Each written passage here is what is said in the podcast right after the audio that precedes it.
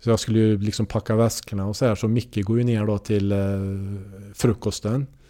Och då sitter de ju där killarna bara och Micke bara Fan, Huggy jag blev liksom. Så här. Och de bara börjar skratta. Då är det ju Travis Green som nuvarande Vancouver-tränare som har lurat mig och sagt att han var så, sagt att han var eh, GMen där. Så det var ju lite rått då men det var med hjärtat ändå så att eh, jag klarade mig ändå. Nej, men någon, eh, snart är eh, råttet mogat alltså.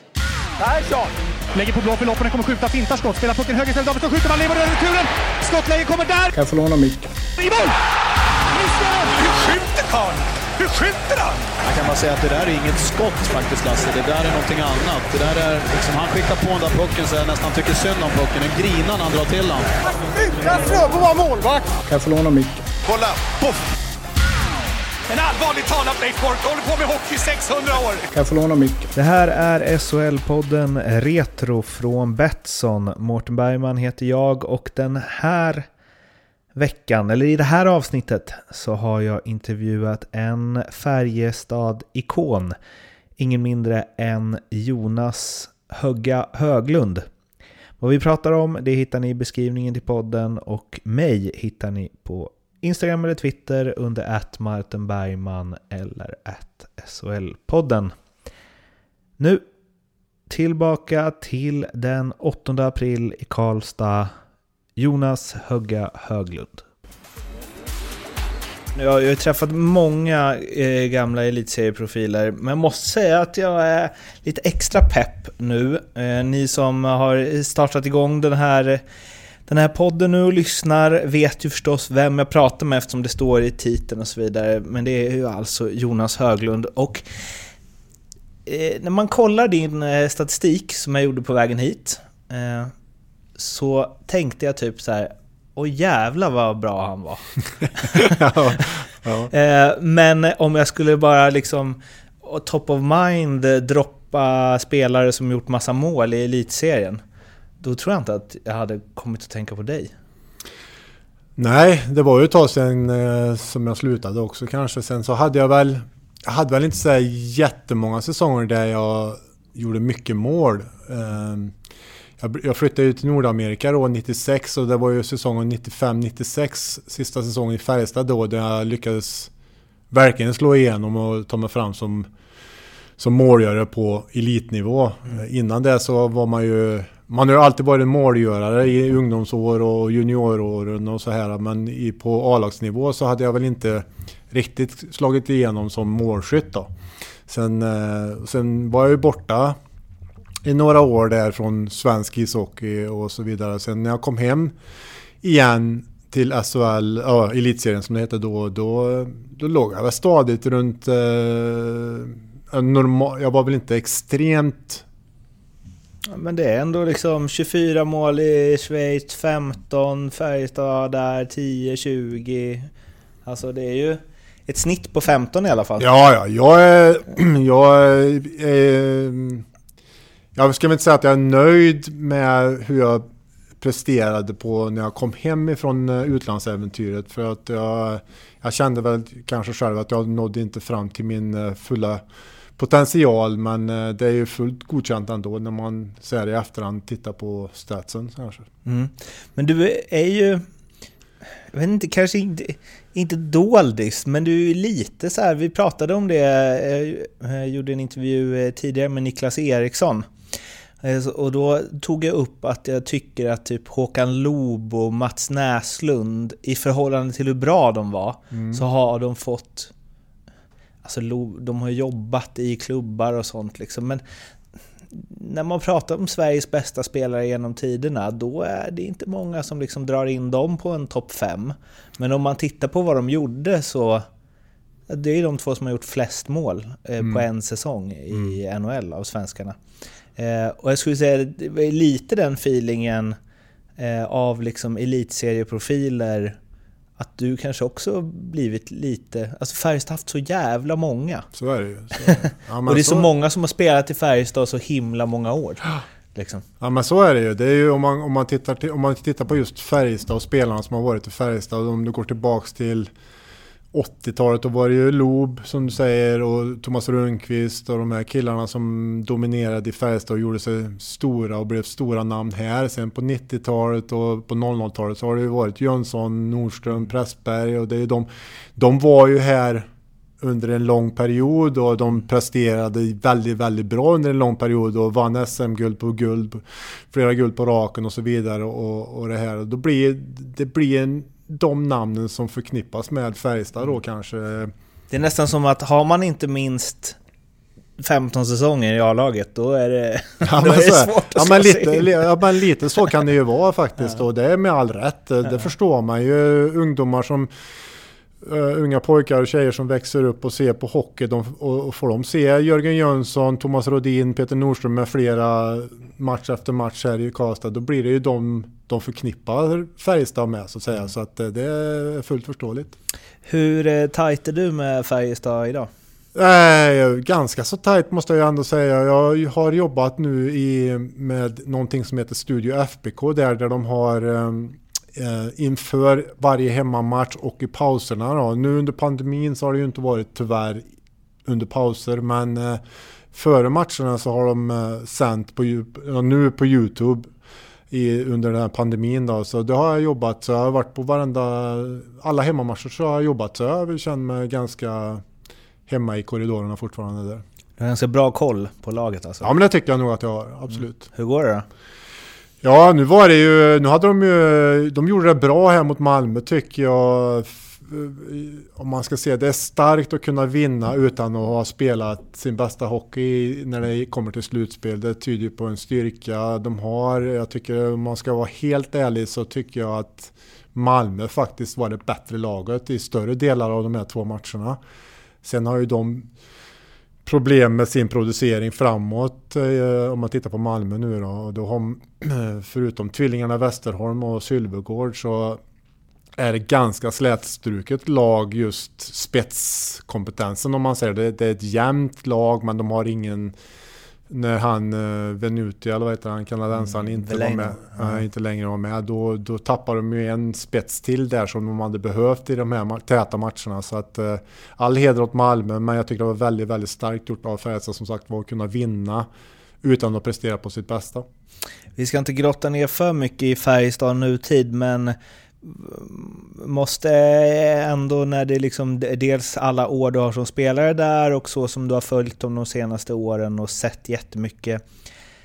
Det är ju en klubb som någonstans, eh, det var någon som uttryckte om Brynäs att de är en stor klubb, ingen stor klubb längre. Med tanke på resultaten.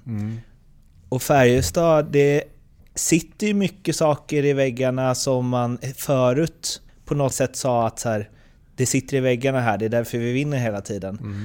Nu känns det som att eh, de får nog fylla på de där väggarna snart. Ja, det är ju lite, om man ska titta på, på hur det har sett ut så ehm, förra säsongen så slutade de ju ändå, låg de ändå tvåa i grundserien när pandemin slog igenom och de avslutade säsongen, vilket var oturligt för Färjestads del. Eh, I år har det ju, som alla vet, det har sett det har gått väldigt, väldigt upp och ner. För I sina bästa stunder så presterar de ju som ett av de bästa lagen i ligan. Mm.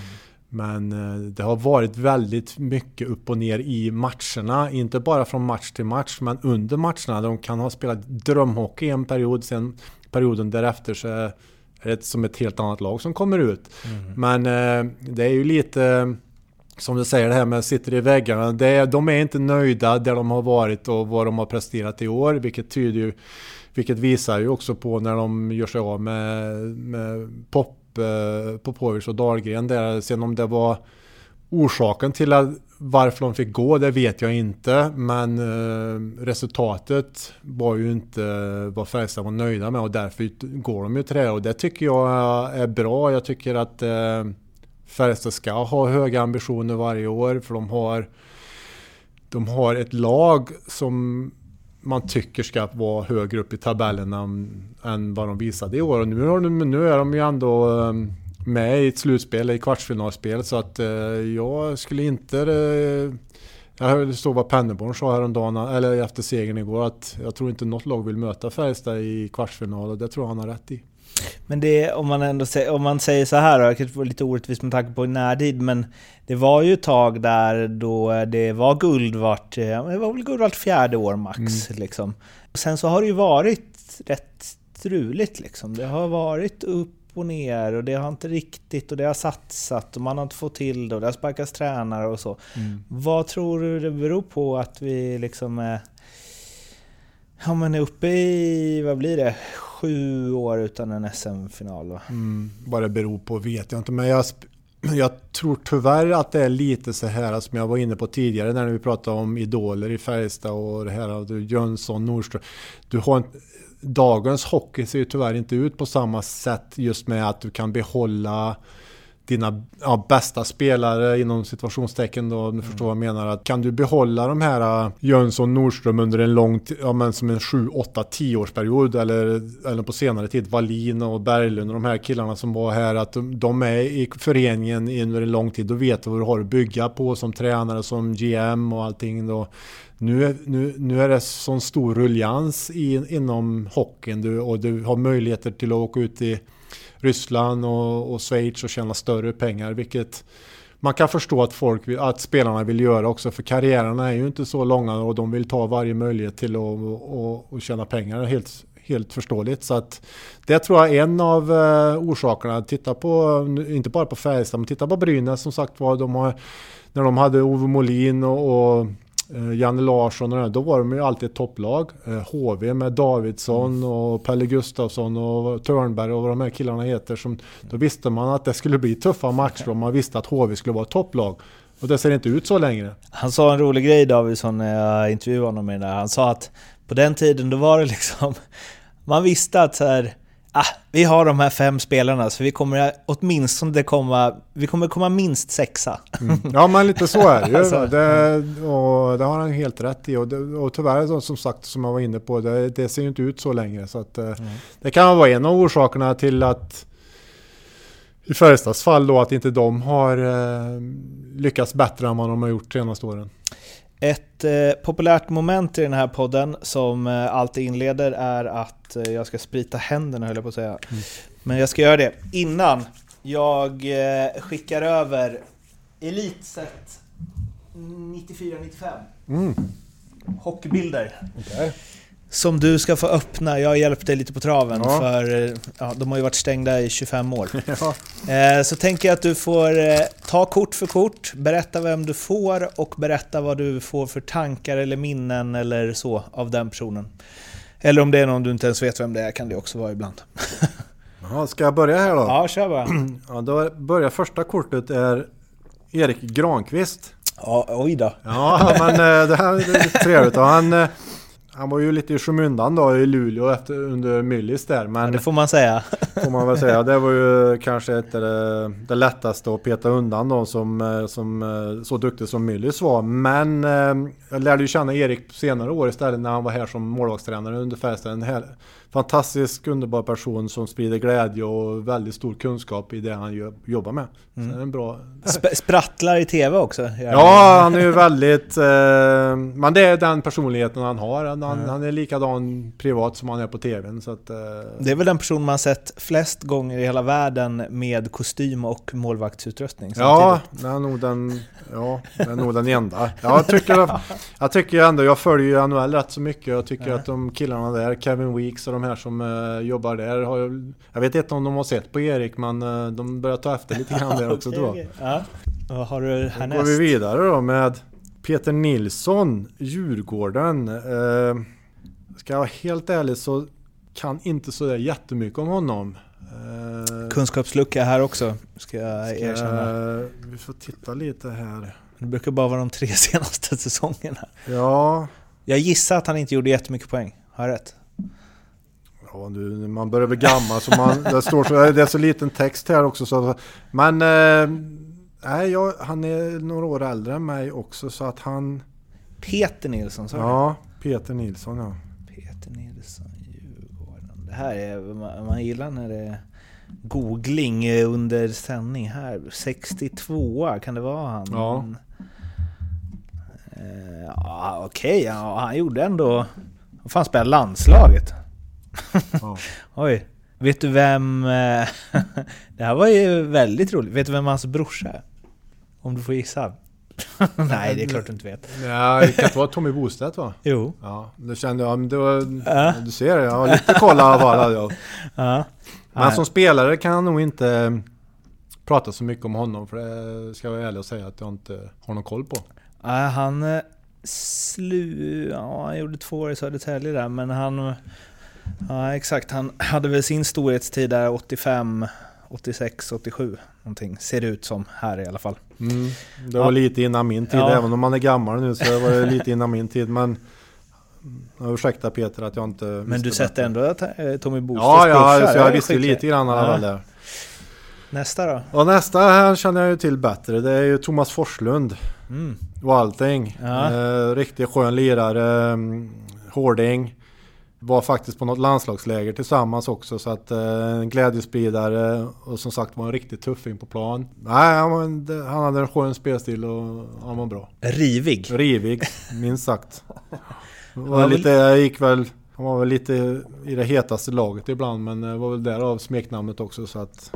Niklas Eriksson pratade om honom och sa att han var ett naturbarn, tror jag han sa. Att han bara liksom var det han var. Noll på klistrat och inget, utan Mm. bara liksom...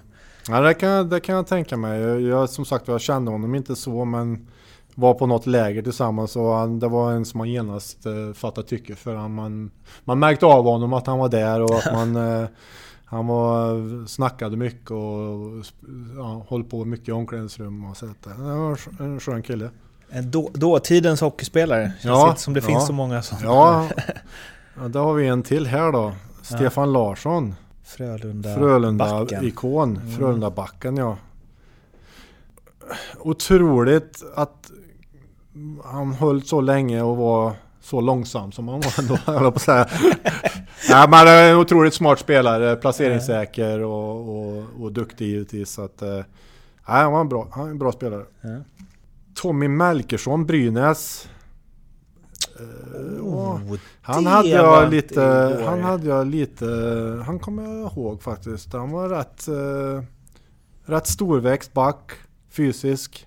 Mm. Eh, gjorde väl inte mycket poäng men det jag kommer ihåg av honom var att han var, han var rätt stor och, och som sagt fysisk. Vad ska jag säga, vad står här? 103 kilo står Ja, det på precis. Elite Prospects i alla fall. Ja, han, så han var stor och stark. Och nej, han gjorde inte så mycket poäng. Det Nej. har du alldeles rätt i. Mm.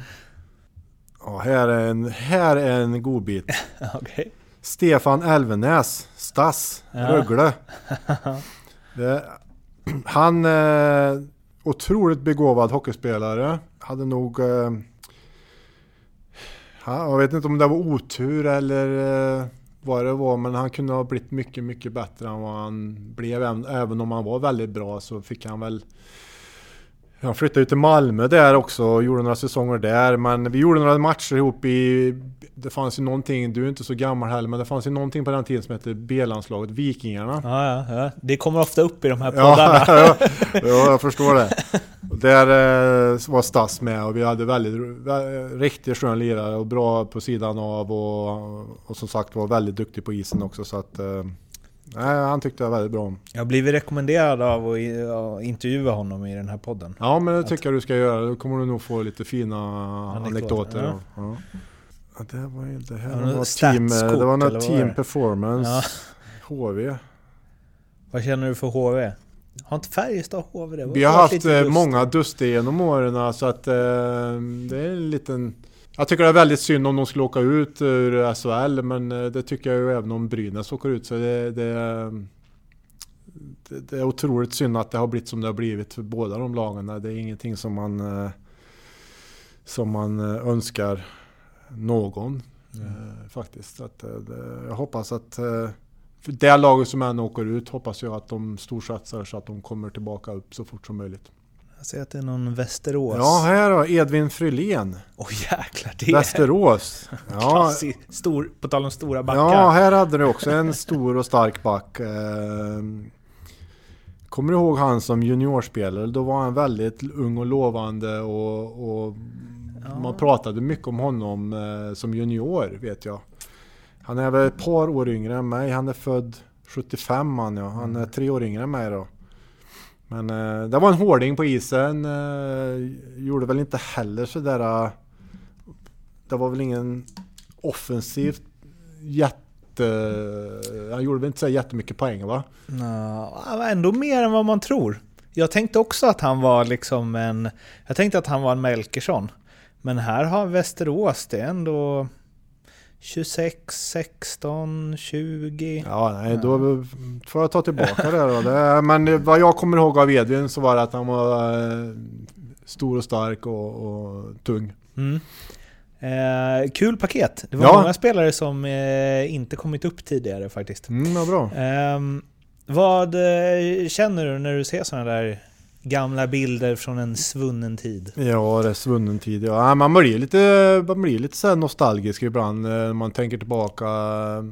Det är som sagt det var många år sedan man spelade själv nu så att eh, det, det, det, kommer, det går i vågor det där eh, när man längtar tillbaka och drömmer sig tillbaka och det ska jag ärligt säga att jag, jag gör ibland. Så att, men allt har ju sin tid och, och, och hockeyn var ju annorlunda på den tiden tror jag. Just det jag var inne på med alla lagen hade ju sina kärnspelare och när vi går tillbaka som jag sa till HV då var det ju de här Davidsson och killarna och, Färjestad hade ju sina och Leksand hade sina också med Forslund och Per-Erik Eklund, Thomas Jonsson, Sigge. Du vet, Man visste varenda match att eh, de här ska nu nu kommer det bli tufft att möta Forslund och de här killarna. Och, så att, och Djurgården samma sak med Kenholt och Thomas Eriksson och Björne Nord, ja men du vet, och Ragge och alla de här som var där under en lång, och Linkan Bremberg. Och det, så det var ju, jag ska inte säga att kanske, ja det kan jag nog stå för och säga att det fanns mer profiler i SHL på den tiden än vad det gör nu. Mm.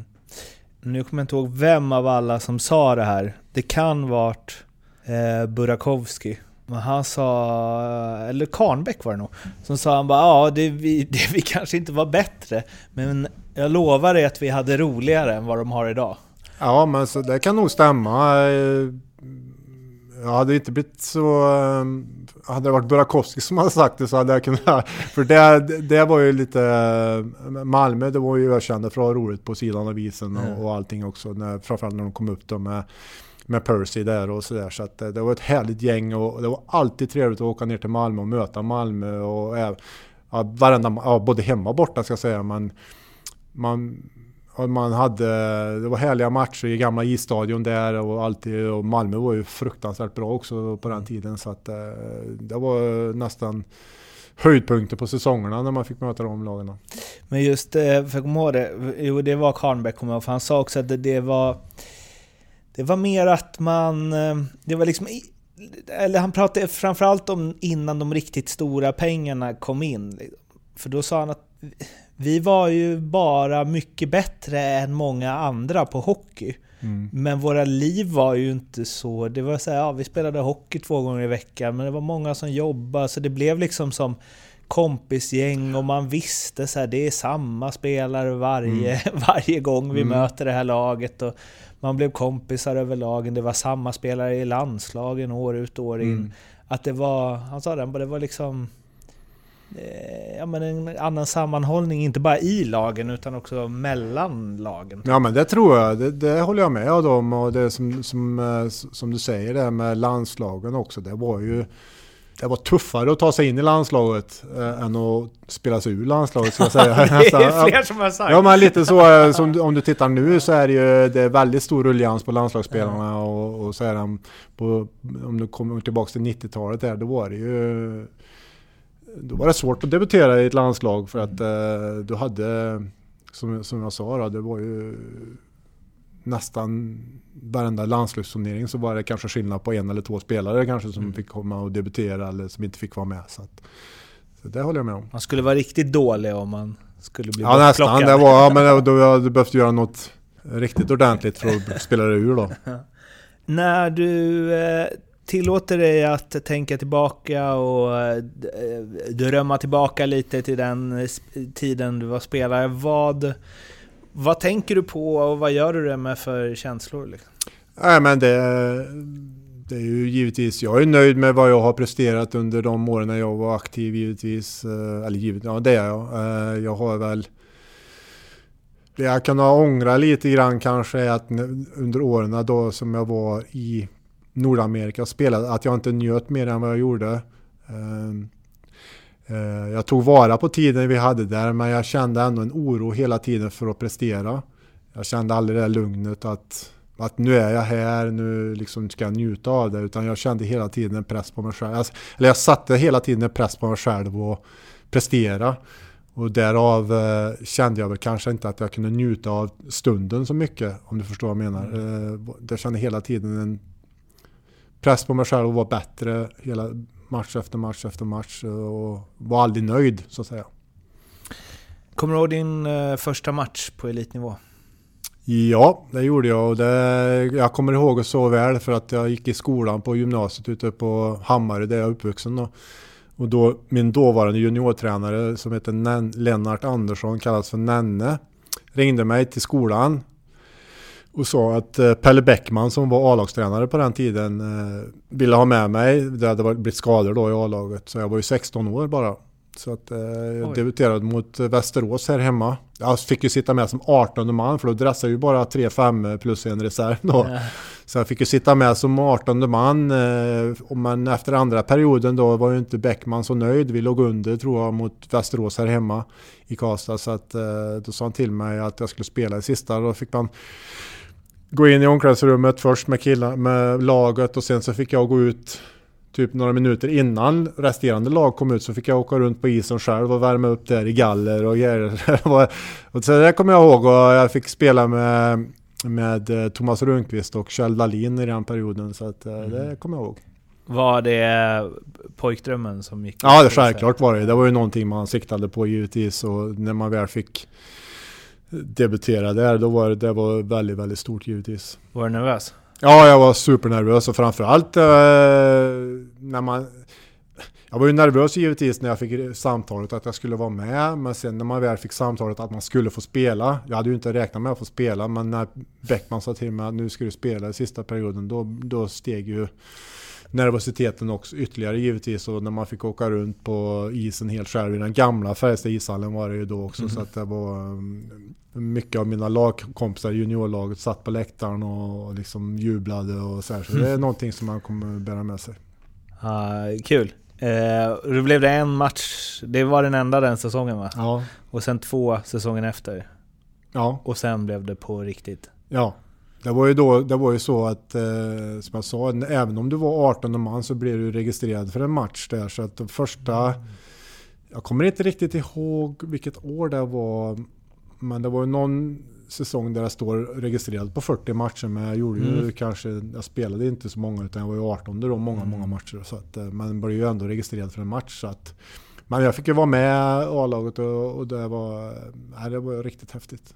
Jag tänker ju att eh, ni, eh, ni då, eh, om man liksom när jag, när jag var barn och eh, samlade på hockeybilder och idoliserade hockeyspelare så tänker jag att ni var mycket större stjärnor än vad spelarna idag är. Men det kan ju bero på att jag inte är något barn längre som tycker att det är häftigt med hockeyspelare. Eller så beror det på att det faktiskt var lite mer mytomspunnet, lite svårare, lite, kändes lite längre bort. Idag kan man ju liksom...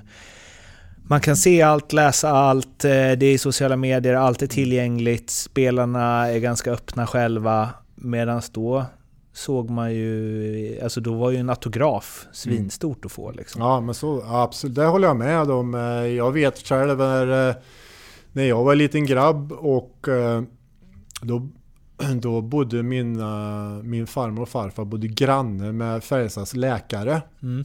som heter Fredrik Kylberg.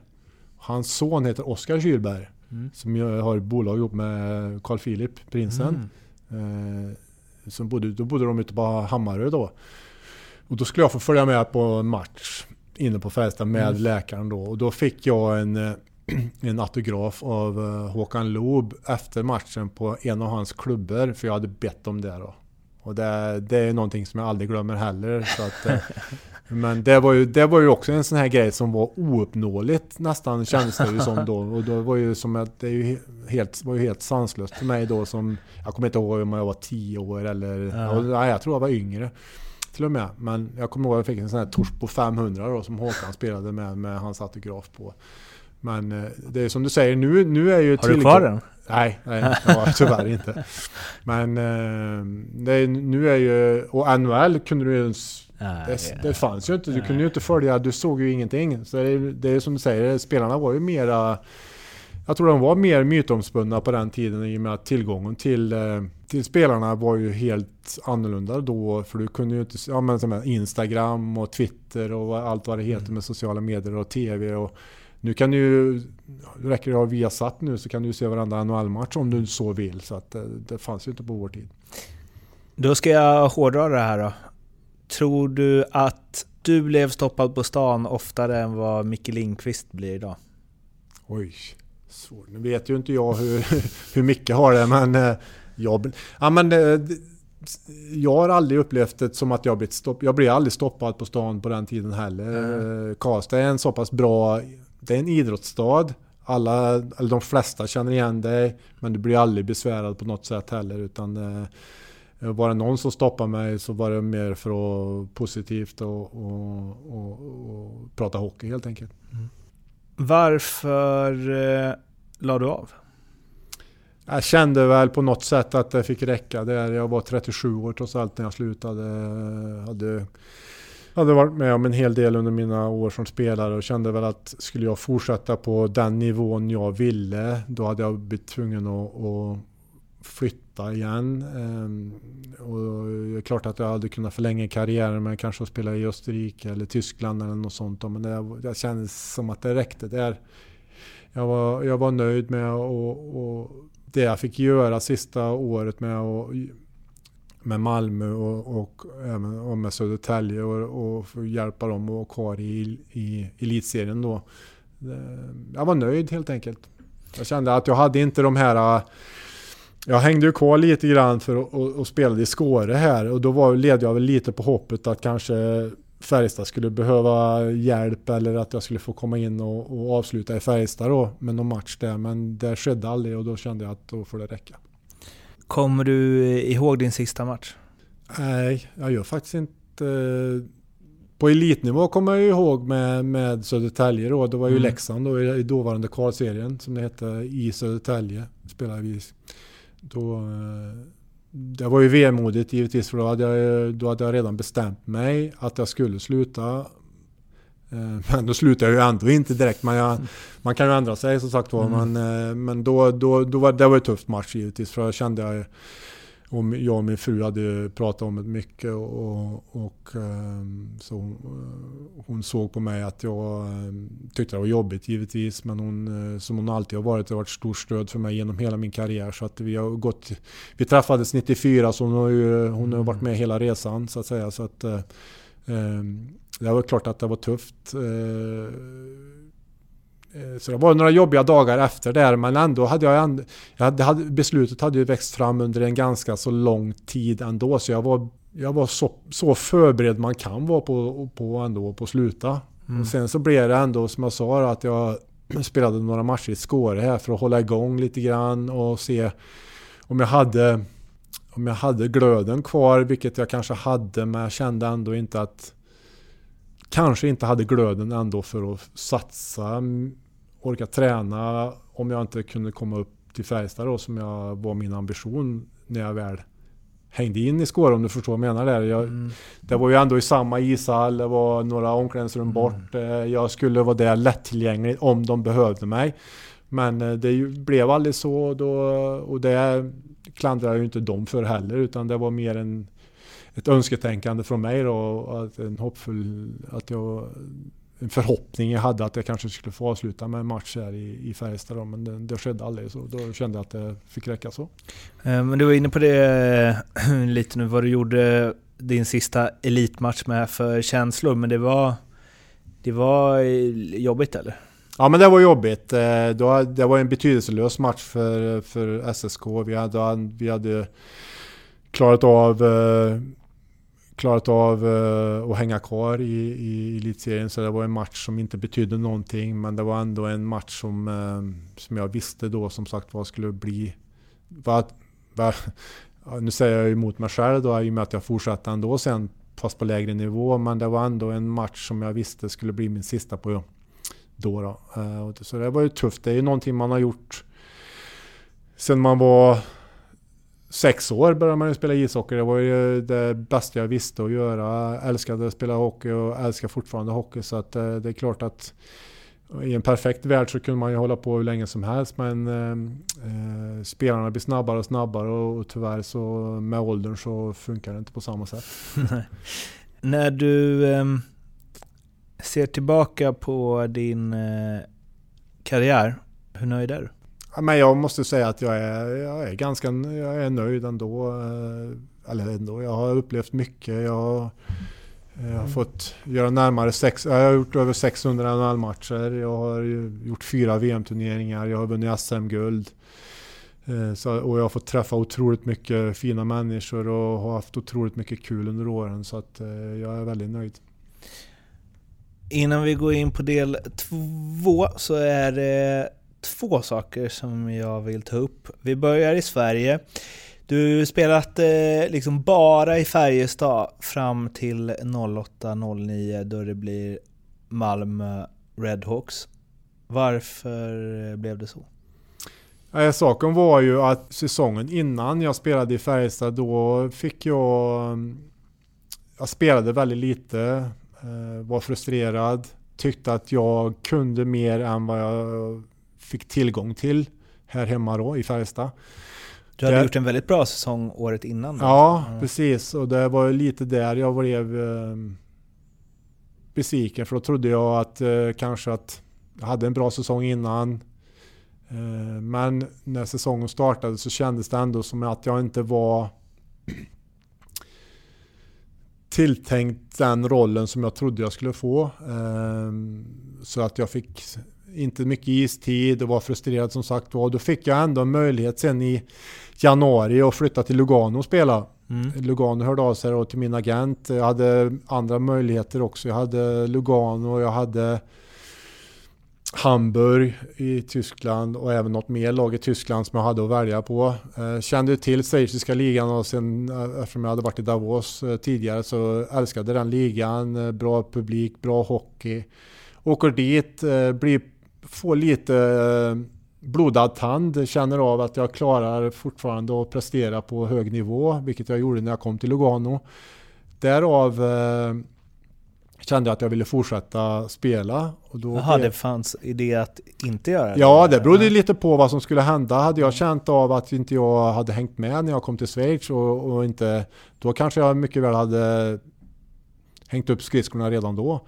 Men då eh, kände jag att eh, jag tyckte det var så pass kul. Kände att jag kunde prestera på så pass hög nivå fortfarande. Då kände jag att jag ville fortsätta en säsong till. Om rätt möjlighet dök upp. Och då, så blev det så att Malmö hörde av sig. Jag kände att eh, det kunde vara en trevlig, trevlig säsong där med, nybygg, med nya arenan som de skulle bli färdigställd under säsongen. Så mm. att, eh, var det första året som de Ja, ja. Vi var, alltså jag var med och invigde den arenan faktiskt. Ja, okay, så det, okay. var, det, var, också en häftig upplevelse. Så, att, så, att, eh, så var det med det. Eh, och det gick ju svinbra i Malmö eh, förutom för det var Baby Hawks-året va? Mm. Alltså förutom den lilla bagatellen så gick det ju bra. Det gick mm. ju bra för dig. Ja, det gick bra för mig. Jag gjorde en hel del mål, fick spela mycket som sagt var. Tyckte det var jätte, jag trivdes jättebra nere i Malmö. Tyvärr så blev det ju lite problem som du var inne på med ekonomin och, och så här då så att det var ju faktiskt så att Percy Nilsson kom ju till, eh, kom till laget och sa att eh, alla som har möjlighet att flytta, gör det. Tyckte han då. För att ni, ni, det finns inga pengar att betala era löner längre. Så för min del och för några fler, det var väl en tre, fyra stycken tror jag som lämnade då. Eh, så då blev det ju att Baby Hawks föddes då, för då fick de ju ta upp yngre killar och de gjorde det jättebra efter det. Så att, eh, men eh, jag hade en bra tid i Malmö som sagt var. Bra gäng. Jag trivdes, stortrivdes där nere. Det är en fantastisk stad att bo i och leva i. Vi hade, nu hade inte jag min familj med mig, men när de var där, vi, ja, men du vet, närheten till Köpenhamn och allting. Och vi kunde ju ha, hade, ja, men vi hade jätte, så jag har bara bra saker att säga om Malmötiden. När du hamnade i Södertälje sen, eh, mötte du Färjestad? Ja, faktiskt eh, min första match med Södertälje var mot Färjestad. Okay. Hur var det? Ja, det var ju häftigt givetvis. Eh, Här eller? Nej, det var i, Ja. i Södertälje då. Så att, eh, och vi lyckades vinna den matchen också, så att det var ju ännu roligare. Ja. Det var, det var... Fanns det någon revansch? Eller liksom... Nej, inte på det. Nej, det kan jag inte säga att det var heller. Det var ju... Men det var ju rätt kul för att man kände ju alla i laget och, och så här så att eh, det var ju speciellt på det viset. Men revanschlustan vet jag inte om jag kan säga att det var något speciellt. Gjorde du mål? Du gjorde ju två mål i grundserien där. Ja, nej, Ja. inte mot Färjestad, men jag tror jag gjorde, jag gjorde ett målpass faktiskt. F- Finns det något i, i dig som hade velat ha att du bara har representerat Färjestad? Eller blev det I Sverige menar bra? du? Ja, exakt. Ja, det är klart att eh, i en perfekt värld så hade det ju varit så. Det var ju lite det jag var inne på, att jag hade velat avsluta i Färjestad för att Färjestad-hjärtat är ju stort. Men allting blir ju inte som man vill och tänkt sig många gånger. Så att, eh, men jag är, eh, jätte, jag är nöjd med den tiden jag hade här givetvis. Men det är som väldigt, du var inne lite på det, men det var så väldigt att du liksom, du gjorde 20 mål och 32 poäng och 9 på 9 i slutspelet. Från det till mindre speltid. Mm. Ja, du, det- det rimmar ju inte riktigt Nej. som, som, som det ska göra. Så att jag har ingen riktig förklaring till varför det blev som det blev heller. Jag, eh, om det hade med min ålder att göra kanske, att de ville eh, titta på Mm. lite föryngring och sådana här och släppa upp yngre förmågor. Och, och det, så det kan man ju förstå, men samtidigt så om du har någon som presterar på så pass hög nivå som jag ändå gjorde då. Så det är ju lite sådär kanske, men, men det är som det. Var det surt? Alltså blev du besviken eller Ja, men det ska eller? jag ärligt säga att jag blev besviken och det var lite därför av att jag, jag kände att jag, jag kunde inte jag kunde inte vara kvar under de eh, förutsättningarna som var då. Eh, och när eh, Jocke Persson då, som var min agent ringde, det var inte långt innan deadlinen var och sa att den här möjligheten har dykt upp nu. De här har hört av sig. De vet om din situation. Eh, vad känner du? Vill du ta ett... Vill du åka ut på ett äventyr? Och då kände jag i samråd givetvis med min fru då igen att... Eh, och min fru såg på mig att jag inte mådde bra här hemma. Jag, det var mycket sena kvällar. Man satt hemma och efter matchen man kom hem och var besviken. Och besviken på sig själv också eh, givetvis att man inte...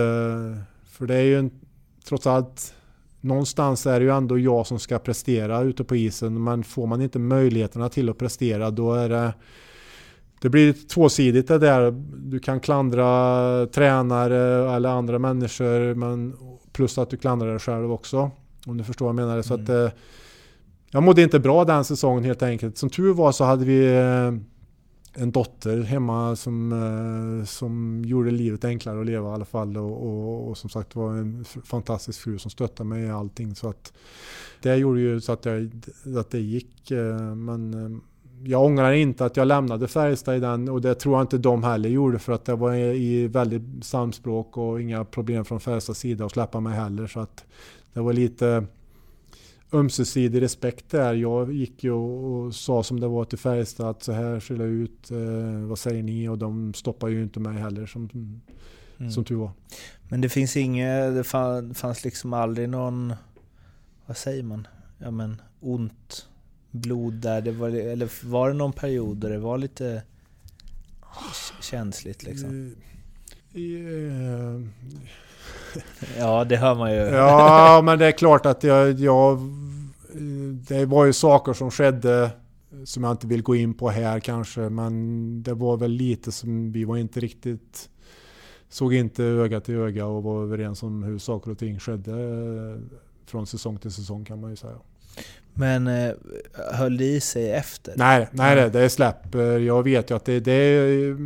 Mm, jag vet ju att det är en business och, och jag vet att någonstans så, så förstår jag kanske varför Färjestad gjorde som de gjorde när jag, var- som jag var med föryngring och så vidare. Men min eh, bitterhet, om man kan kalla det det, det den var väldigt kortvarig. Så att, eh, jag ville trots allt spela hockey och det fick jag chansen till att göra med flytten till Lugano.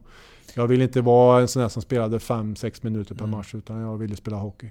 Har det varit på tapeten att jobba i Färjestad något eller? Nej, inte mer än det jag gör nu Nej. då, i, i Studio FBK. Jag skulle väldigt gärna kan, och hoppa in i föreningen på någon, inte som tränare kanske, men eh, någon position inom föreningen skulle jag gärna vilja ha.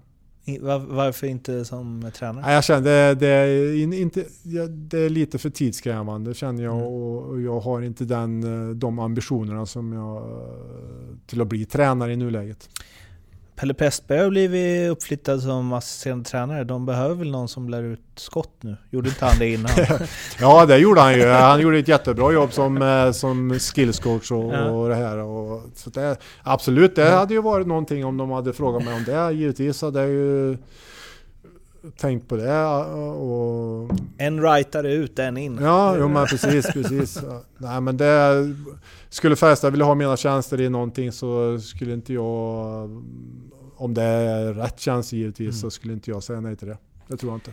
Och sen så måste vi förstås prata lite, även om det här är SHL-podden, om din NHL-karriär. Calgary, absolut, det är också ett fint lag, men både Montreal Canadiens och Toronto Maple Leafs, som väl kanske är de två mest klassiska klubbarna i världen.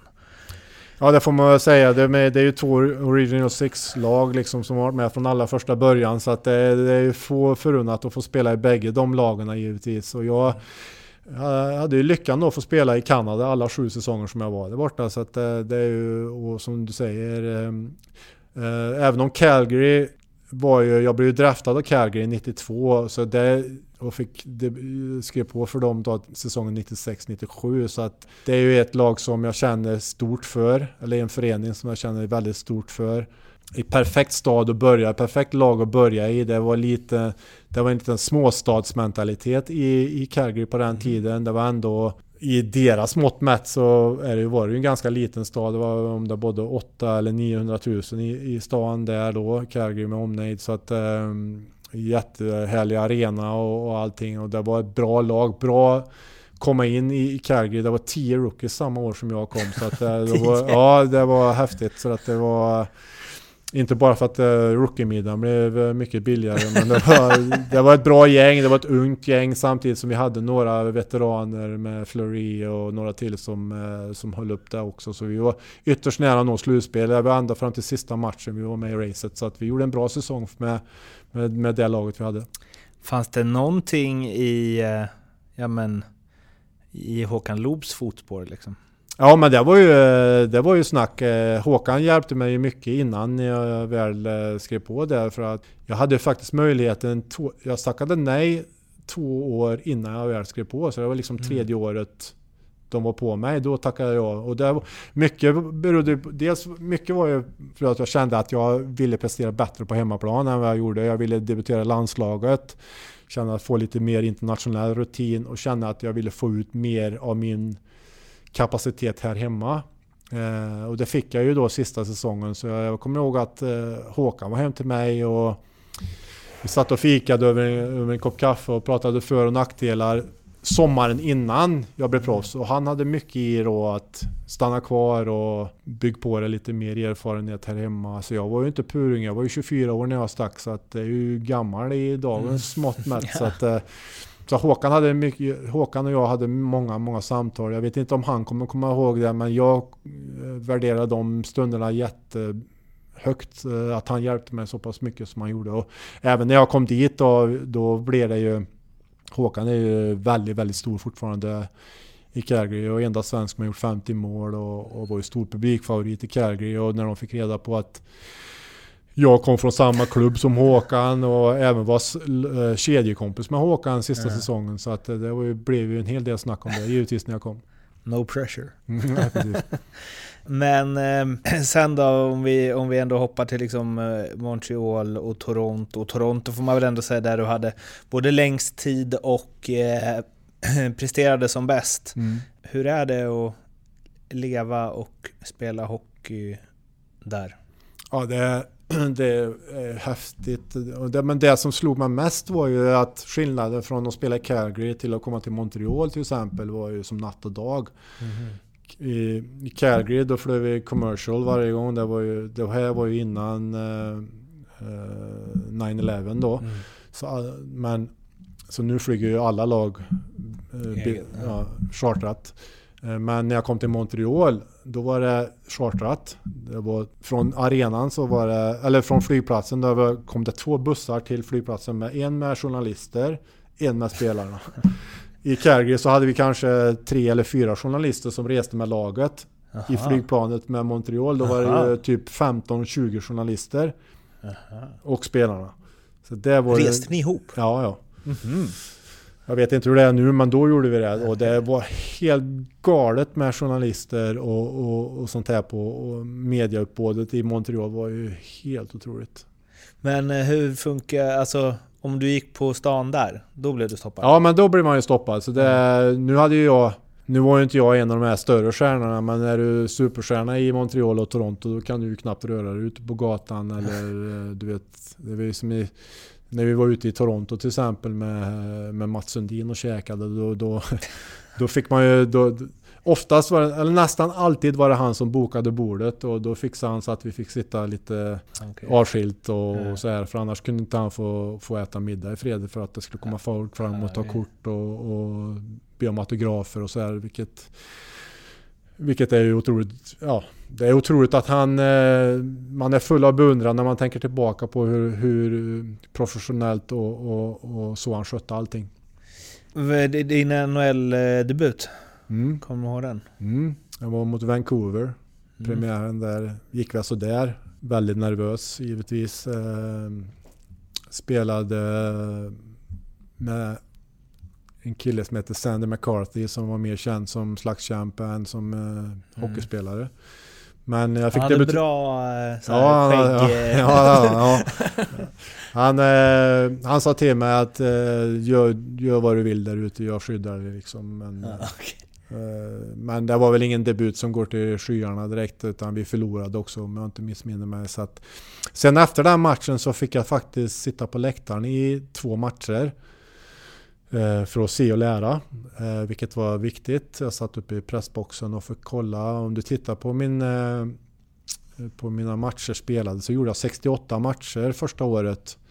Men de matcherna jag spelade så spelade jag ordentligt. Spelade powerplay. Vi hade en tränare som hette Pierre Pachet som hade scoutat mig ordentligt. Visste vad jag var för typ av spelare. Visste vilken omgivning jag skulle spela i för att göra mig framgångsrik.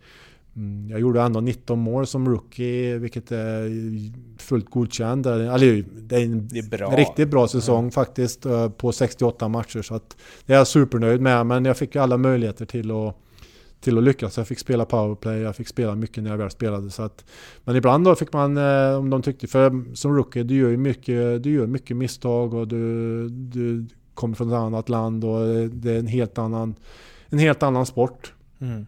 Från, från, kon, eh, från Sverige till, till eh, NHL. Mer då än nu tror jag. Vi ska gå till del två.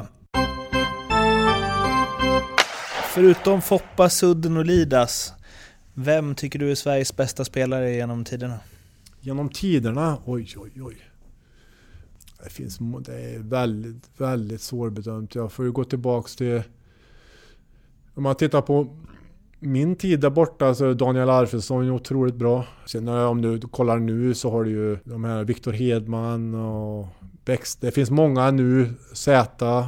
Det finns, du kan räkna upp jättemånga killar men de du nämnde där är ju givetvis tillsammans med tidigare Börje Salming också givetvis måste också nämnas. Och i mina ögon så är ju Håkan Loob en av de största också givetvis. Så att, eh, det, det, det är svårt att säga tycker jag. Vilka, topp tre är ju de du säger tycker jag. Sen skulle jag, vill jag ju nämna Håkan där uppe. Jag vill nämna Börje för det han gjorde tidigare då. Och sen även eh, skulle, jag vilja ha med Daniel Alfredsson där uppe. Förutom Gretzky och Lemieux, vem tycker du är världens bästa genom tiderna? Det är svårt när du säger de där. Det är det som är grejen. Oj. Ja, men måste, Ray Bork måste ju nämnas givetvis. Jag försöker tänka på vilka jag har spelat med själv, om det är något mer. Går... Steve Eisenman är ju en Mm. av dem givetvis. Eh, Fedorov. Mm. Eh, oj, det, ja, men det finns ju jättemånga. Men du går ändå dit, du går inte till McDavid och McKinnon och Ah, så. det skulle man ju kunna göra, men det, det är ju som, det, det är som jag sa innan. eh, När jag flyttade över så var det en helt annan li, Du vet, Mm. gå från Sverige till NHL. Då, nu är det ju en helt annan sport där borta. Det är ju knappt, eh, det, det är ju inga tacklingar längre. Det går så fruktansvärt fort så det är ju svårt. Det är svårt att jämföra tiderna tycker jag. Mm. Det McDavid, McKinnon, Dreisaitl, de här killarna gör nu är ju fantastiskt bra. Men Mm. frågan är ju hur de hade sett ut på den tiden och frågan är ju hur Ja. Foppa och, och Lidas och de hade sett ut nu. Du, Utan så- hakningar. Ja, men för, förstår vad jag menar. Så att det, det är så, man kan inte jämföra tiderna. Så att, eh, eh, och de här eh, McDavid, de här är ju så unga så att eh, säga att de är bäst genom tiderna tycker jag nog är lite väl tidigt kanske. Eh, Det här är en av mina favoritfrågor för det säger ganska mycket om hur man ser på hockey tänker jag. Henrik eller Daniel Sedin? Oj. Ja, det, man, det, man fick ju dem där, det, de kom ju i ett paket så att det är ju svårt att... Jag har haft rätt på all... Jag har gissat innan för mig själv vem den personen jag intervjuar kommer välja. Jag har haft rätt på alla hittills. Har du det? Ja. Ja. men då ska jag se till att du inte har rätt nu då. Det var väl någon av dem som gjorde lite fler mål va? Mm. Daniel gjorde ju ganska mycket fler mål. Ja, men då skulle jag säga att Daniel var bättre. Mm. Det är klart du skulle. Mm. Mm. Hade du rätt då? ja. Man vet direkt. Det är liksom målskyttar säger målskyttar. Ja, lite så. Ja, men det blir ju lite så. Där. Även om båda är ju ja, fantastiskt duktiga hockeyspelare bägge två givetvis. Alla tränare säger ju Henrik. För att det kän- jag tror han tog mer ansvar. Det känns som en mer tränarspelare liksom. Ja, men så kan det ju vara. Målskyttar brukar ju inte vara de eh, kanske mest... Strategerna. Nej, de, de tänker mer kanske offensivt och sådär. Eh, om du får tänka helt fritt, vilken regeländring, hur galen den än må vara, hade du velat testa inom hockeyn? Jag skulle nog... eh, Jag skulle vilja testa NHL-mött på rinkarna här hemma. Mm. Det skulle vara intressant att se hur det skulle se ut då. Det där har jag funderat lite på, för ett tag så kändes det som att det var spelare som plockades över till NHL härifrån, som några i alla fall, som inte var något märkvärdigt här, Mm. men som passade väldigt bra där borta. Mm. Ja, men så kan det ju vara. Här hemma är det mycket mer hålla i puck, eh, långa anfall och de här grejerna. Där i Nordamerika är det ju mer rakt på. Mm. Du ska så fort som möjligt in på mål. Jag tror, ja, jag tror faktiskt att det skulle bli mer, inget ont sagt om SHL och det är fantastiskt duktiga hockeyspelare där, men spelet ibland kan vara lite eh, tråkigt tycker jag. Mm. Eh, de, alla är stöpta i samma form. Eh, alla ska vara duktiga på att hålla i puck. Eller det ska vara långa anfall. Jag skulle önska att det blev lite mera rakare in mot mål, lite mer skott, eh, lite mer trafik på mål och sådär. grejer. Så att det tror jag nog att... Men det är, ju, det, är ju, det är ju både för och nackdelar med det där givetvis. Svensk hockey står sig ju starkt internationellt som vi vet och det kanske är på grund av att vi har stora mått, eller stora rinkar fortfarande. Så att, eh, men eh, du, var, du bad mig att välja en Mm. regel och då, då väljer jag den. Den bästa spelare som du har spelat med, och det behöver inte vara den som blev bäst eller som har störst karriär, utan den som du haft i ditt lag som du tycker har varit den bästa. Ja, det är ingen snack. Det är Mats Sundin. Eh, se han eh, under fyra säsonger som vi spelade tillsammans i samma lag. Eh, såg hur hårt han jobbade på sidan av isen eh, eller, i eller liksom i gymmet. Hur han förberedde sig och hur fantastiskt bra han var på isen. Det, det är någonting som eh, är helt otroligt. Och utifrån samma förutsättningar då, den bästa du mött? Oj, det är ju utan tvekan Mario Lemieux. Mm, Okej. Ja, Ja. fantastiskt. Vilken lirare alltså. Det var, det är vi all, alla som kan hockey, alla som har följt hockey vet ju hur duktig han var. Så att, eh, jag kan dra en rolig anekdot. Han var ju skadad länge. Och vi skulle... Han hade, nej, han var sjuk. Det var Han hade han cancer va? Ja, han hade ju cancer. Jag undrar om det var från... Nej, det här tror jag inte var från cancersjukdomen utan här tror jag hade, han hade ju problem med ryggen också under en lång Ja. period. Det här var en säsong när vi med Toronto skulle möta Pittsburgh i Pittsburgh och det skulle vara hans comeback då. Mm. Då hade ju inte han spelat på hela säsongen. Eller han hade inte spelat på en och en halv säsong tror jag. Något sånt Äh, där. frågan om det inte var ännu längre va? Äh, Han var ju borta i... Ska se här, så att det blir rätt. Han var ju borta i tre år va? Ja, du ser. Kommer tillbaka. Vi, våran kedja då med Mats, jag och Steve Thomas Mm. skulle möta den kedjan. För, första bytet så Var smällde det Lemieux, Ja? Lemieux, ja, Lemieux Jäger och jag kommer inte ihåg vem det var mer men det small ju arslet direkt första bytet. så att eh, han gjorde fyra poäng den matchen tror jag om jag inte är helt fel. Ja, så att eh, nej, han... Eh, nej, otroligt duktig hockeyspelare. Det var helt, det var bara att få se... Vi kan dra en annan... Mitt rookieår i Calgary så mötte vi Pittsburgh hemma. Det var då, då blev det lite sån här äh, moment där man liksom fattade wow, jag är verkligen här. Då var det nationalsången, Jag var i line-upen, stod på isen. Det är ju bara eh, första femman som är ute på isen då. Och då möter vi ju Pittsburgh. Så står de med ryggarna emot oss. Flaggan är liksom på kortsidan. Så vi står ju, vi facear flaggan och de har ryggen emot oss. Och tittar man där då, då har du Hatcher, Coffee, Lemieux, Jagger och Francis.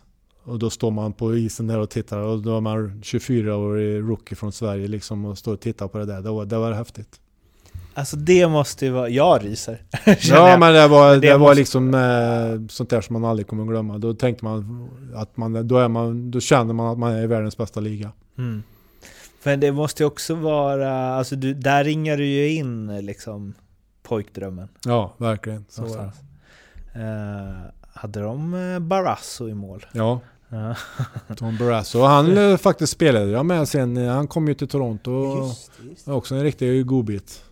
Ehm, det finns ju, jag vet inte om det var någon dokumentär eller något jag såg om Lemieux, om den där säsongen när han hade varit borta. De, och någon berättade att han hade ju så ont i ryggen att han kunde inte lyfta upp bagaget Nej. ovanför på planet liksom. Mm. Kunde inte knyta sina skridskor Nej. heller utan hade någon, fick ju hjälp med någon, någon materialare eller någon... Ja.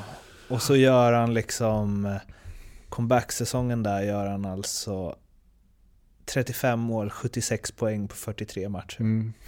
ja, det, det är det, så är, sjukt det är alltså. helt galet. Det är helt galet.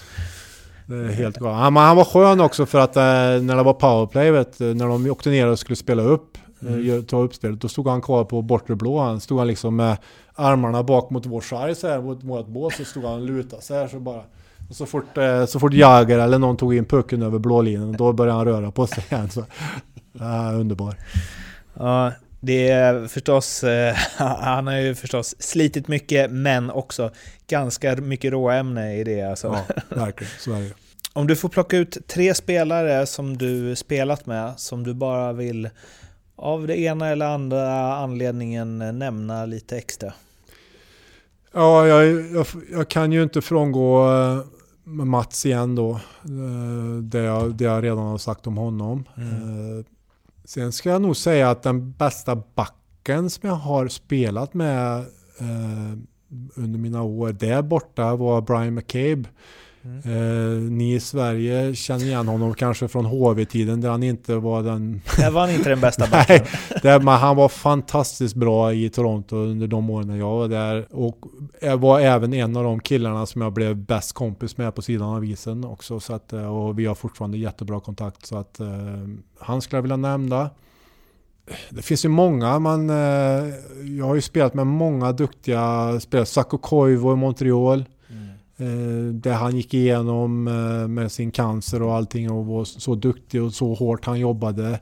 Bli kapten, europeisk kapten i Montreal eh, var ju också fantastiskt. Han var inte kapten det året jag var där men vi blev också ganska bra kompisar även om vi inte vi umgicks en del på sidan och sådär. Så att, eh, han skulle väl också nämna. Skulle även nämna Fleury i, Mm. i Calgary. Hur är han? Intens, intensiv. Eh, han var faktiskt väldigt bra mot mig. Eh, han eh, riktigt schysst mot mig, tog hand om mig på sidan. Han var bra mot oss yngre. Det var ju jag och som jag nämnde, vi var ju tio rookies som slog, kom in samtidigt. Bland annat var ju Jaromir Ginla som, och, och jag kom ju samtidigt. Fleury var ju väldigt bra mot oss, gav oss tips och båda var rightare och Mm. målskyttar. Och, så han hjälpte till mycket på isen och även på sidan av isen. Nu kanske jag är lite slarvig här, men fan, ni var väl inte helt olika, du och Iginla? Ja, han Stora hade starka ja, forwards med bra skott. Ja, det enda skillnaden var väl kanske att han hade mycket mer talang än vad jag hade. Nej, men han var ju fantastiskt duktig redan som... Eh, han var ju så pass mycket...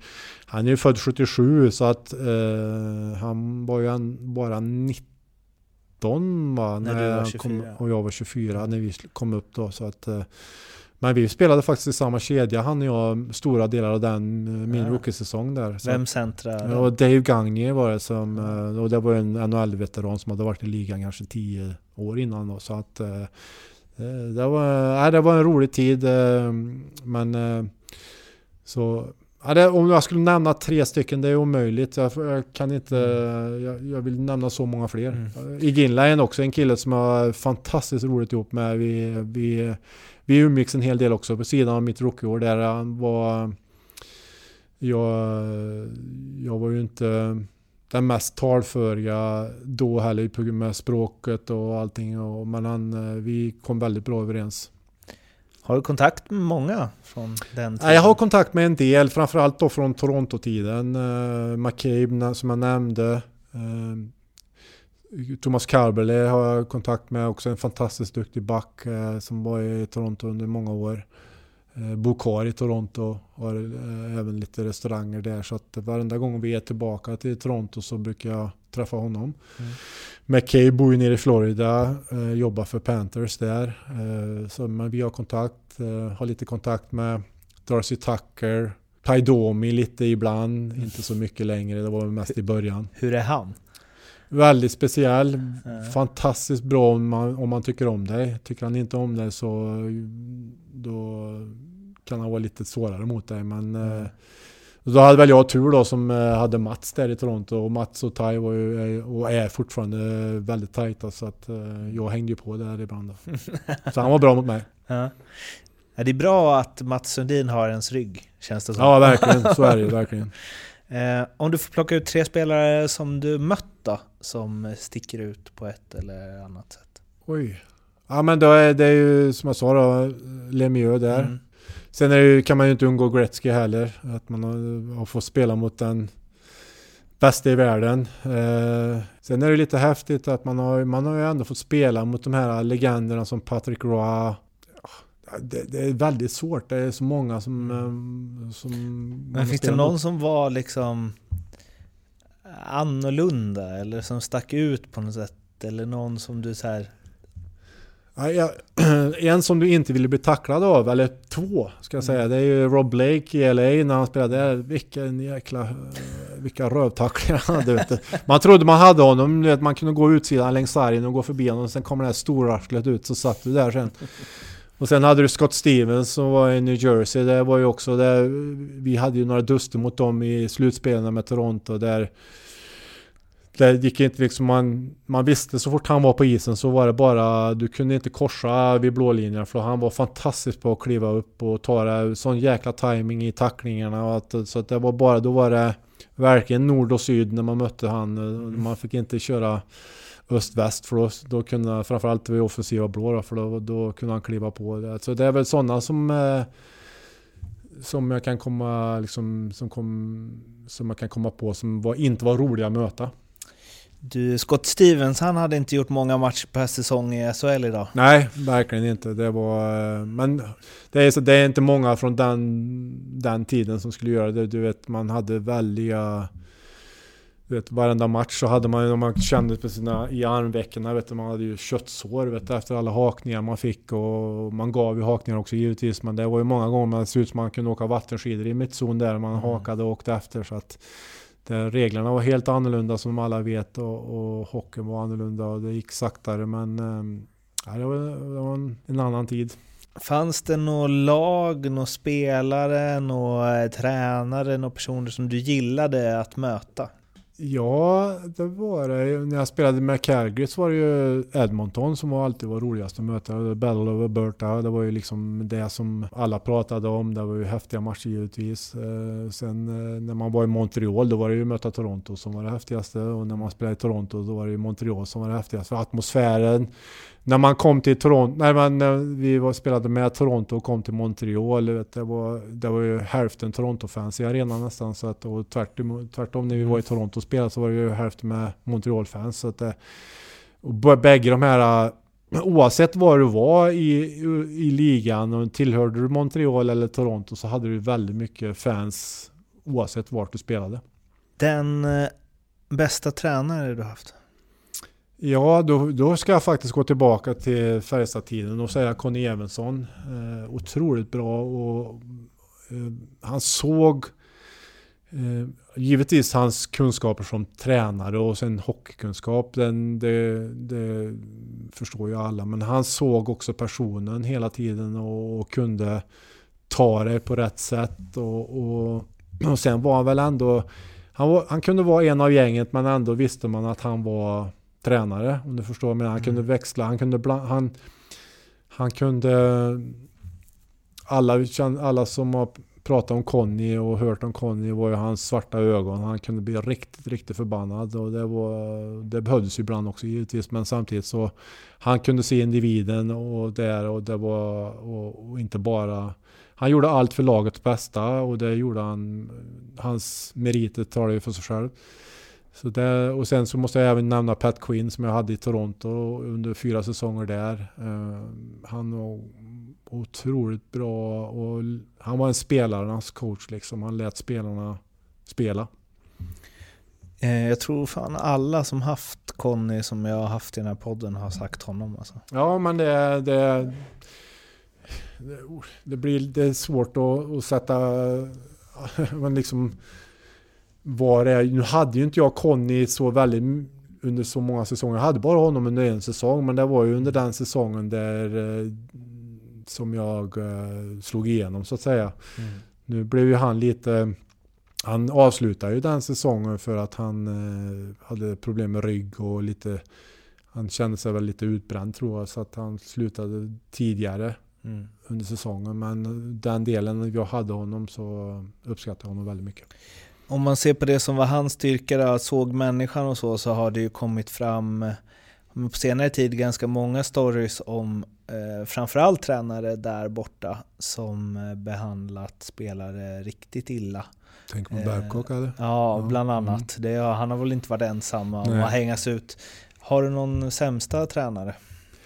Ja, eh, inte, på, inte på just det sättet kanske, men jag hade ju en tränare i, i Montreal som heter Alain Vigneault. Han är ju i Philly nu. Mm. Har gjort det bra, en bra karriär, men han och jag kom ju inte bra överens. Han var verkligen inte en sån som eh, såg individen på, på det sättet. Utan han var mer, jag tyckte han var, han var arrogant. Han var ju ny, det var ju hans första lag i NHL så han var ju ung fortfarande. Och som fransk-kanadensare och tränar Montreal så är det ju, hård, det är ju tuff press givetvis. Men eh, han och jag var väl inte, jag, jag bad om trader så många gånger det året och han bara mm. vägrade och liksom han ville inte att jag skulle lyckas i, i, i Montreal helt enkelt. Var du sån som gick till tränaren om det var något? Ja, men det var jag. Jag var aldrig en sån här... Äh, ja, det, beror, det beror lite på. Jag var inte den som gnällde. Jag var inte mm. den som fjäskade. Men jag var den som äh, sa till om jag inte tyckte saker var rätt. Och det, det är jag glad för att jag var en sån. Jag tog ingen skit. Jag tyckte att blev jag felbehandlad så talade jag om det. Det som ja, det jag måste säga också nu när jag ändå håller på, när vi pratar om Alain Vigneault, det var ju säsongen efter när jag blev eh, eh då signade jag med Toronto och han var fortfarande Montreal-coach. Mm. Hans, sista hans sista match som tränare för Montreal, då vann ju vi med Toronto mot dem och jag gjorde mitt enda hattrick. Dagen efter så fick han sparken, så jag fick sista skrattet i alla fall. Då. Det hade killarna i Toronto väldigt roligt åt. Ja, det kan jag tänka mig. Dina tre starkaste minnen från karriären? Mm, men nu får vi prata, ska vi pr prata via SHL eller NHL eller överhuvudtaget? Du får säga överhuvudtaget. Oj. SM-guldet 06 med Färjestad. Det var mitt enda SM-guld. Eh, slår det mesta. Eh, fantastisk eh, säsong. Vi gick igenom... Eh, vi hade en tuff säsong. Vi, eh, tränarna blev sparkade. Perra Jonsson kommer in tillsammans med Leffe Karlsson och eh, Klabbe Eriksson då tar över. Lyckas vända skutan och, och vi, det slutspelet vi gör med vändningen nere i Jönköping mot HV eh, och sen lyckas slå Frölunda i finalen. Det, det, är, eh, det är bästa minnet jag har. Ja, två till då. Ja, just det. Ja, då är ju eh, NHL-premiären givetvis. Mm. Eh, även om den inte gick så jättebra så är det ju ändå ett minne man har. Jag tror nog eh, att om jag kan säga att när jag väl skrev mitt NHL-kontrakt, om man kan nämna det som en, ett minne. Mm. Att bara det var en dröm, du vet när man väl fick skriva, sätta sin namnteckning på ett NHL-kontrakt, det var ju otroligt stort. Den bästa lagkamrat du haft utifrån hur du tycker att så här ska man vara i ett lag, i ett omklädningsrum. En sån här person behöver alla lag.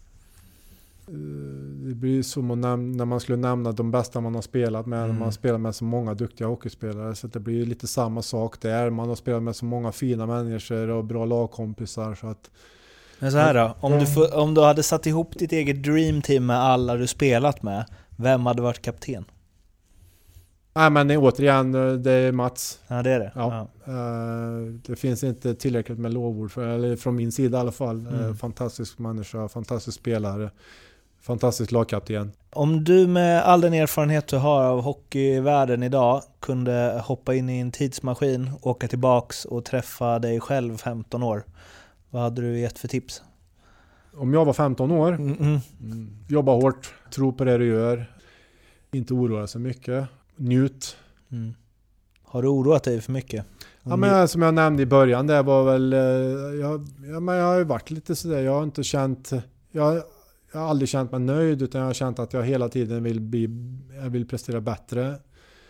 Även i efterhand så här kan man ju tycka att jag inte behövde känna så. För att jag har ändå gjort det bra. Mm. Eh, Men när man väl är uppe i det så är man inte nöjd. Och det tror jag de flesta känner. Jag tror folk man pratar med, de känner ju, många känner ju som jag tror jag faktiskt. Så att, eh, oro är väl inte rätt ord kanske heller, utan det är väl mer en, en, en liksom, självkänslan var väl hela tiden att man vet, framförallt när man var i, i NHL, det, där det är en sån business som det är, då man inte riktigt vet, det kan ske över en dag, eh, att du blir bortplockad, borttradad, nedskickad till farmarlag eller vad som helst. Det gäller att prestera hela tiden, hela tiden. Och det var det jag kände. Jag kände mig aldrig säker. Liksom, kanske framförallt de första säsongerna när jag väl kom till Toronto. Då kände jag väl att där nådde jag, där hade jag min plats. Och där, eh, så där kände jag mig aldrig liksom Hotad? hotad på det Mm. viset. Men, jag, men du njöt ändå inte Nej, inte riktigt. Det är klart att jag... Är klart att jag njöt också ibland, men, eller många gånger, men samtidigt så i Toronto och det, blir, det är ju alltid spekulationer hit och dit. Tradad och... I, I Toronto och Montreal så är ju media en stor del av eh, Eh, vad fansen läser, vad fansen ser på TV och hör. Det är ju program hela tiden om NHL och Toronto Maple Leafs och mm, och Canadiens och det här. Så det spekuleras ju hit och dit varenda gång inför deadlinen så är det ju liksom då var man, du vet, ingen fick ringa hem till mig på deadlinesdagen för, utan min familj eller du vet, Mm. ring, då, då blev det så hjärtat i halsgropen direkt. Mm. Framförallt då när jag var i Toronto för då ville jag inte bli tradad. Hade det varit i Montreal så hade man ju hoppats på att det skulle ringa Mm. någon. Men eh, i, i Toronto så var, då var det väldigt sådär. När vi ändå håller på då, om jag, om jag har tid. En, lite Kör. rolig, en liten rolig sak var ju... För vi, I Toronto var vi många som kände likadant och nu eh, inför en deadline så var vi på en roadtrip. Vi var i Edmonton. Bodde på hotellet där och på morgonen på deadlinesdagen så ringer telefonen i mitt rum. Mhm. Och då är det presenteras det som Ken, Kevin Lowe då som är GM i Edmonton. Att jag, han välkomnar mig till eh, Ja han presenterade sig och lurade mig totalt gjorde han och presenterade sig som Kevin Lowe och, och ja, att eh, du är välkommen till oss i Oilers och, och vi har gjort en trade och, och så vidare. Och så, att- och så kommer Micke Renberg in i, i mitt rum.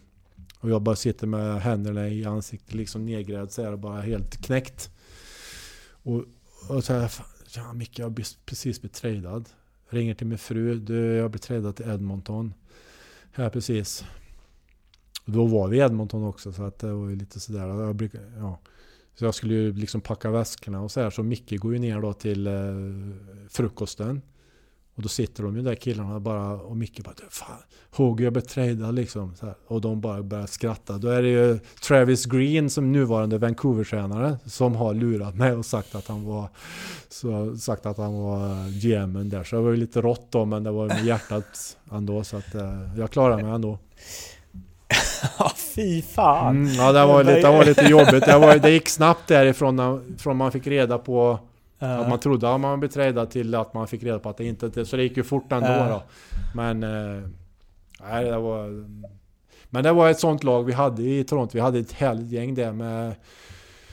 Med, med högt i tak och vi kunde driva om nästan vad som helst. Så att det var... Nej, det var häftigt. Eh, Nu eh, glömde jag bort vad det var för fråga vi var inne på ens. Ja, jag drog ut på det. Det var en sak jag kom på där bara. Ja. Vem... Eh, jo, men det var ju det här med oro. För det är ju en väldigt... Alltså, jag tänker så här, du spelar i Toronto, ett av... Eller kanske världens mest klassiska lag, bor i en härlig stad, tjänar bra med pengar, presterar på plan. Alltså man tänker ju så här att bara livet leker, Mm. allt är lugnt. Mm. Men det är väldigt få hockeyspelare som jag har pratat med som... Alltså alla har ju inte varit på det här, men Kristoffer Nilstorp sa en gång att eh, hans största misslyckande i hockeykarriären är att han aldrig njutit av att spela en hockeymatch. Ja du ser, det är det jag säger. Att det, är Ja. lite, det är lite så jag känner också. Eller ja, det ska jag inte säga. Liksom, att jag, jag, har- jag har ju njutit av att spela. Men jag har alltid känt att jag vill prestera. Och det känner att jag måste prestera. och- Eller vill prestera hela tiden. Så att det kunde riktigt kunna... Som du säger, ja, nju, varför njöt inte jag så mycket av att bo där och spela i det mest klassiska laget i världen liksom? Och inför 20 000 eh, fans varje match och spela i världens bästa hockeyliga. Ja, nu går jag, jag ska säga att jag njöt ju också, men inte så mycket som jag borde ha gjort kanske. Jag skulle liksom ha njutit mer, om man säger så. Då. Men den här idag, kan man eh, njuta och vara fullt fokuserad samtidigt? Eh, I mitt fall så tror jag att jag hade presterat bättre av, av att njuta mer. Mm.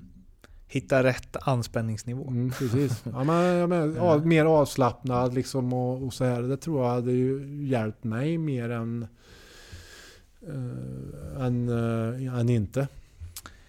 Vem har betytt, eh, eller vem betydde mest för din karriär? Ja, det är ju flera. Jag har ju nämnt min fru. Mm. Jag har nämnt Håkan Loob. Jag har nämnt Conny Evensson. Givetvis eh, mina föräldrar som alltid... Det är det klassiska svaret som... Eh, hade inte de ställt upp så som de gjorde när jag var liten och, och så här så hade det ju aldrig gått vägen heller. Vad eh, från din karriär är du mest stolt över? Jag är nog mest stolt över att det gick så pass bra som det gjorde. Mhm. Att jag höll så pass länge som jag Mm. gjorde. Jag spelade ändå över 600 matcher som sagt var i, i världens tuffaste hockeyliga. Var aldrig nedskickad i något farmarlag, var aldrig liksom... Eh, bara... Eh, så det, det är jag jättestolt över.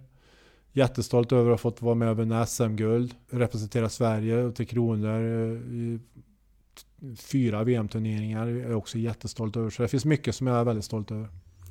Två frågor kvar. Eh, vad är det sjukaste som hänt inom hockeyn? Eh, kan översättas till berätta en, eh, riktigt rolig anekdot från karriären. Eh, oj, oj, oj. Det mest absurda jag har varit med om är ju Mm, okej. i, när vi spelade med Toronto i Philadelphia. Eh, vi ska ställa upp för tekning. Och då helt plötsligt sitter Taidomi i utvisningsbåset. Och det är ett fan som ramlar ner i över, över plexiglas. Ni har säkert sett det på YouTube och så vidare. Och, och det är nog det absolut sjukaste jag har sett. Att liksom ett fans hoppar ner hos Taidomi i... Eller hoppar ner, han ramlar ju igenom plexiet. Ja. Han var ju stor den där killen också. Så att han lutar sig över och liksom... åkte på några proppar av thai där också. I, i det. Det, var det, det är nog det sjukaste. Vad tänker man då? Nej, bara tänker vad fasen är det som händer helt enkelt. Det, det, är ju, det ska inte ske liksom. Det är helt galet. Det var tillbaks till eh, 70-talet. Ja men typ det var ju, man har ju sett gamla YouTube-filmer när Mm. Boston Bruins springer upp på läktaren och slåss och grejer. Det, ja, Ja, det är så sjukt. Ja. Fatta om det hände idag. Ja, alltså. det, ja, du vet. Och även en sån sak som, eh, det, det händer ju inte det som hände då egentligen. Så att det, det, ja, det är helt otroligt. Idag blir det liv om någon skvätter vatten på plexiglaset. Ja men typ ja. Det var ju det, det var ju så det, har du, du har sett det här med Domi va? Mm, Mm. mm. Det var ju så det började. Han sprutade, det var ju någon som häcklade honom där och så sprutade han upp vatten och så kom Mm. den här. Och, så att, eh, avslutningsvis, vilken före detta... Ja, men vi, jag vill nog tillbaka ändå till eh, då det hette Elitserien. Gärna som spelade under liksom din eh, era. Eh, före detta spelare. Tycker du att jag borde prata med i den här podden? oj. Nu vet ju inte jag vilka du har pratat med. Du kanske redan har Nej, pratat du med. kan- Jag hörde du nämnde Burra tidigare. Du, Ja, du har nämnde. Karnbäck. Profiler. Jag tänker så här, om du, vem är den tokigaste du spelat med i klubb eller landslag eller så? Som ändå är svensk. ja, har du pratat med Forslund eller? Ja, Jag har bokat honom nästa vecka. Ja, du har gjort det? Ja, ja men där kan du nog få höra lite roliga anekdoter. Och han, sen har du ju även eh, Sigge Svensson där i Mm. Leksand. Eh, Marcus Turesson, Nej? där har du en. Jaha, okej. Mm, han skulle jag gärna vilja höra lite. Ja, vad gör han idag? Ja, jag vet inte nu. Han var ju, han var ju med i Rögles eh, organisation där. Men nu vet jag inte om han har bytt bransch helt eller... Ja. Han bor väl nere där i Skåneland. Skåneland. Ja, om han bor i Malmö eller Ängelholm eller någonting. Men, Ja, det är också en sköning som jag spelade mycket med i Vikingarna på den tiden. Han, Vi hade några sköna... Och sen även Peter Hasselblad kan du ju ta. Ja, ja. Skön lirare också. Eh, På tal om tunga backar Mm. igen. Verkligen, verkligen. Du Jonas, tusen tack för att du ville vara med. Mm, och tack för att du ville ha med mig.